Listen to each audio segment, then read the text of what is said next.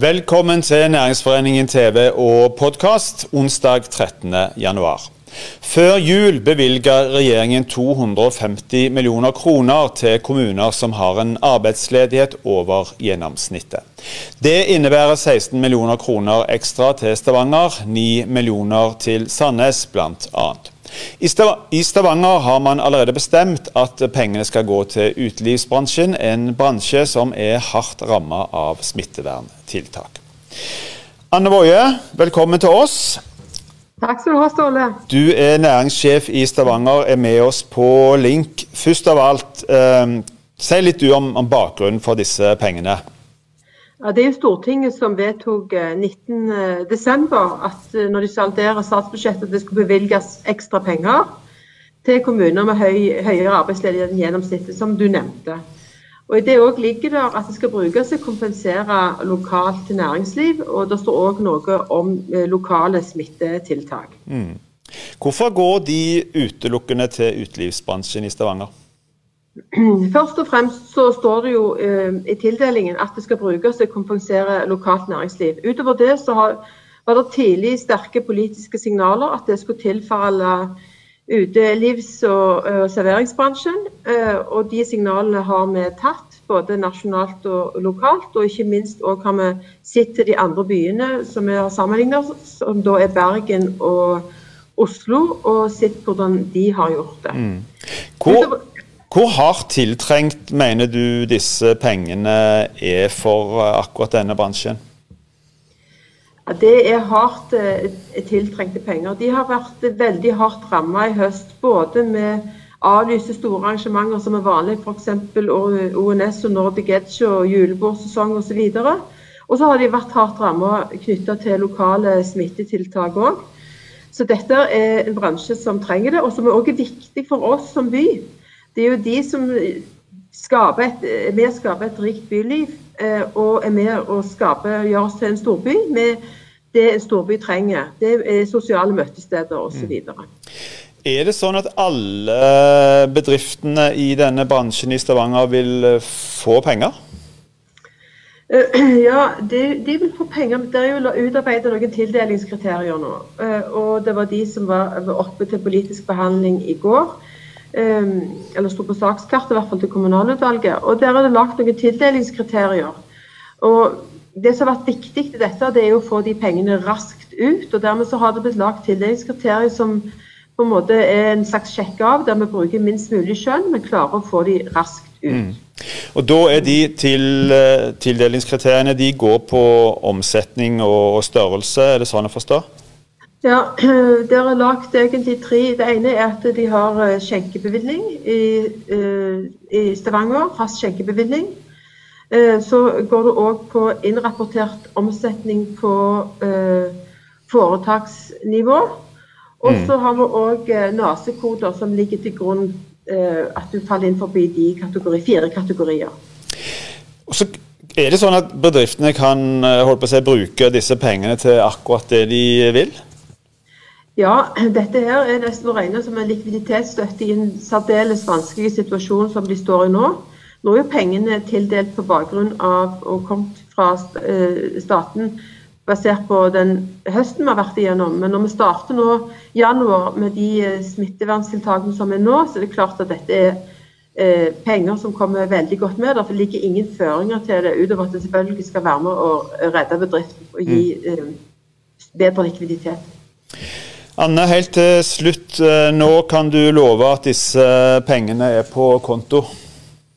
Nei, det kan jeg ikke love eh, nå. Men jeg kan si at vi, jeg lover at vi jobber veldig hardt for å få de raskt ut. Eh, vi vil, de, de dette gjelder, vil bli kontakta kommunen. De vil motta en mail og der det vil komme instruksjoner på hvordan vi skal få det ut. Og når vi får den tilbakemeldingen, så skal, vil det skje veldig raskt.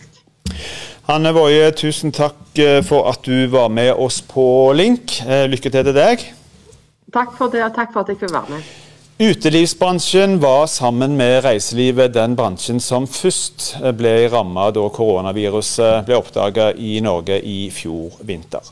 Nye innstramminger i smitteverntiltak i høst og i vinter, både nasjonalt og lokalt, har òg satt sine spor. Knut Bergesen, daglig leder i Harry Pepper, er en av de som vil motta støtte. Og eh, Knut, hvor, eh, hvor mye penger vil dere få?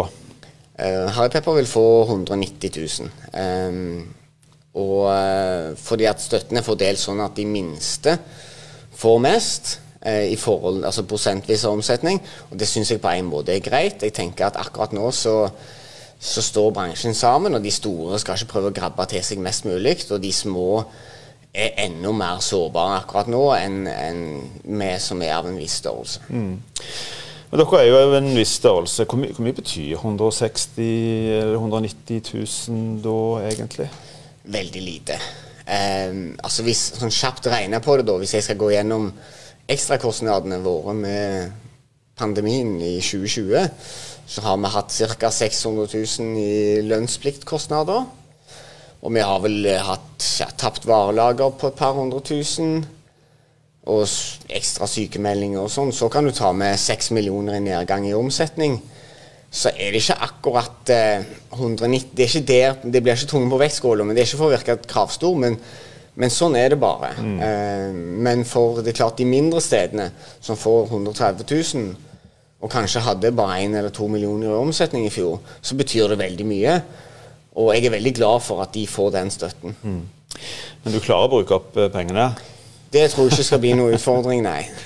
Du, du, nevnte at dere var nede på en omsetning på 7-8 du sa. Jeg holdt på å si, Når det er så ille, hvorfor er det noen vits å holde åpent?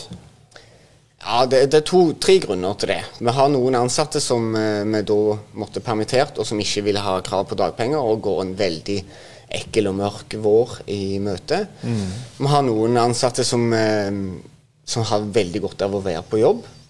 Så har vi selvfølgelig òg et bygg og et varelager og leverandører som er avhengig av at noen er åpne. Så samla sett så valgte vi å på en måte bare fortsette.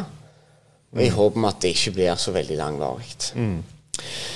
Du nevnte det, Oslo og Bergen har jo gjort tilsvarende, kommer litt senere i Stavanger. Er det sånn at du altså kommer det i seneste laget for, om ikke eventuelt for dere, men for, for andre som har litt sånn, kanskje mener mer kniven på, på, strupen, eller har ikke det så stor betydning? Altså, hjelpen til Spesifikk hjelp til serveringsbransjen kommer jo altfor sent.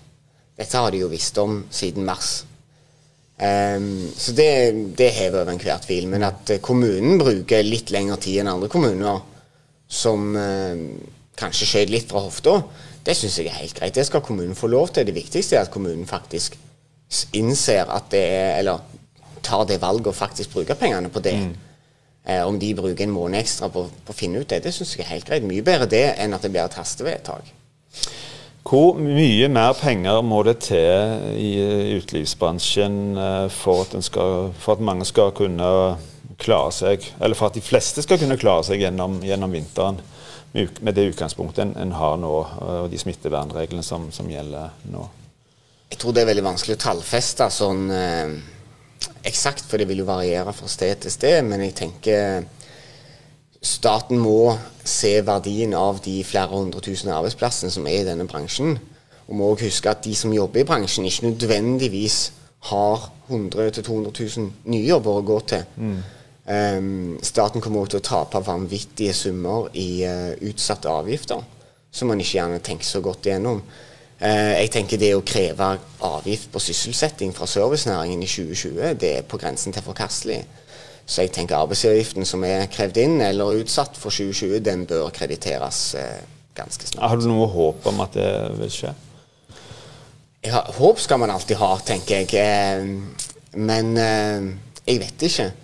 Jeg vil nok tro Nå har det ikke vært noen konkursbølge i bransjen fordi at staten har vært grei og utsatt, alle, utsatt masse av avgifter. Mm. Det er staten som som regel slår bedriftene konkurs i form av eh, ikke innbetalt forskuddsskatt, moms og arbeidsgiveravgift.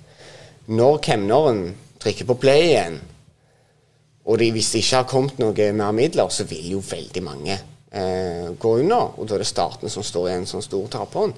Så jeg tenker når det begynner å nærme seg, eller når disse statsgaranterte lånene plutselig skal begynne å forfalle, mm. eller folk må ta tilbake ansatte for å si de opp, for det er ikke jobber, da håper jeg at noen våkner opp. Men de trenger jo ikke vente helt til det.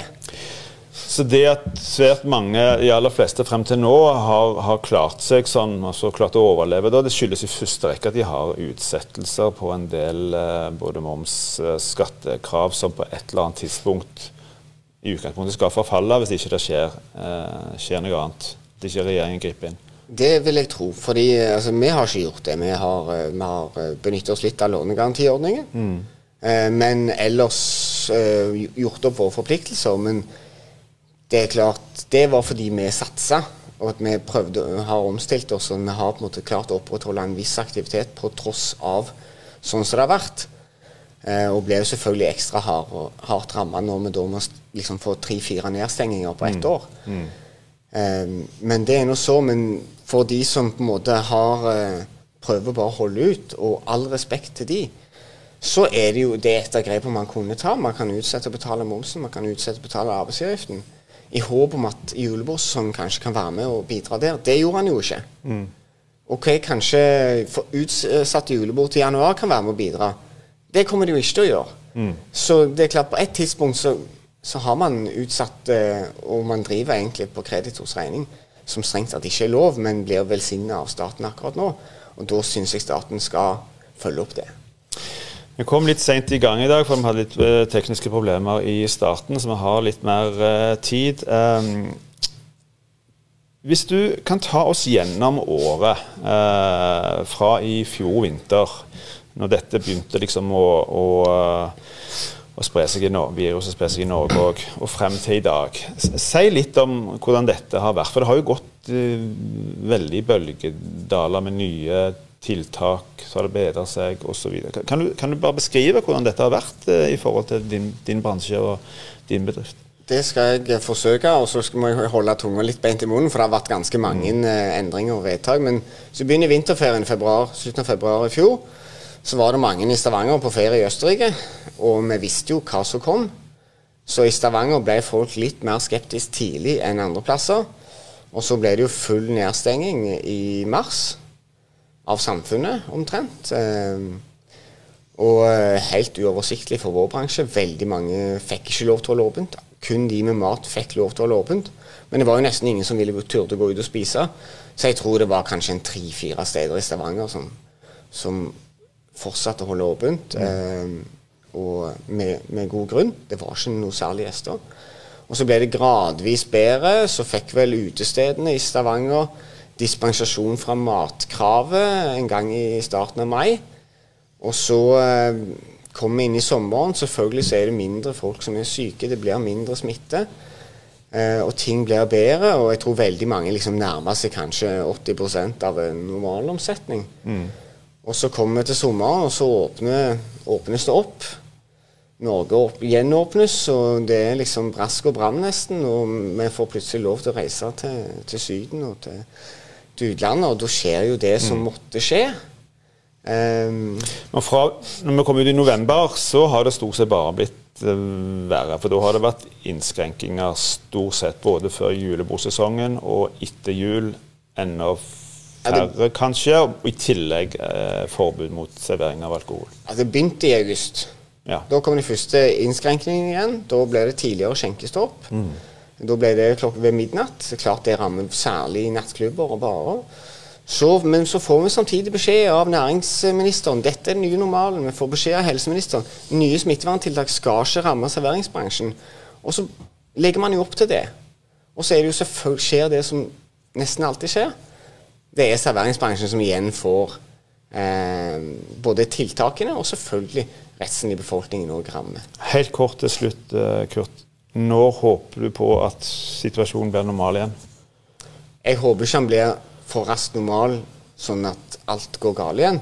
Men jeg håper vi kan få en gradvis trygghet i samfunnet ut nå fra februar av, og gjerne til sommeren, da at vi er tilbake i normalgjengen. Kurt Bergesen, da satser vi på det. Takk for at du kom. Lykke til. Da er òg denne sendingen slutt. Vi er tilbake igjen i morgen tidlig på samme tid. Husk hold avstand, ta godt vare på hverandre, men gå gjerne på restaurant.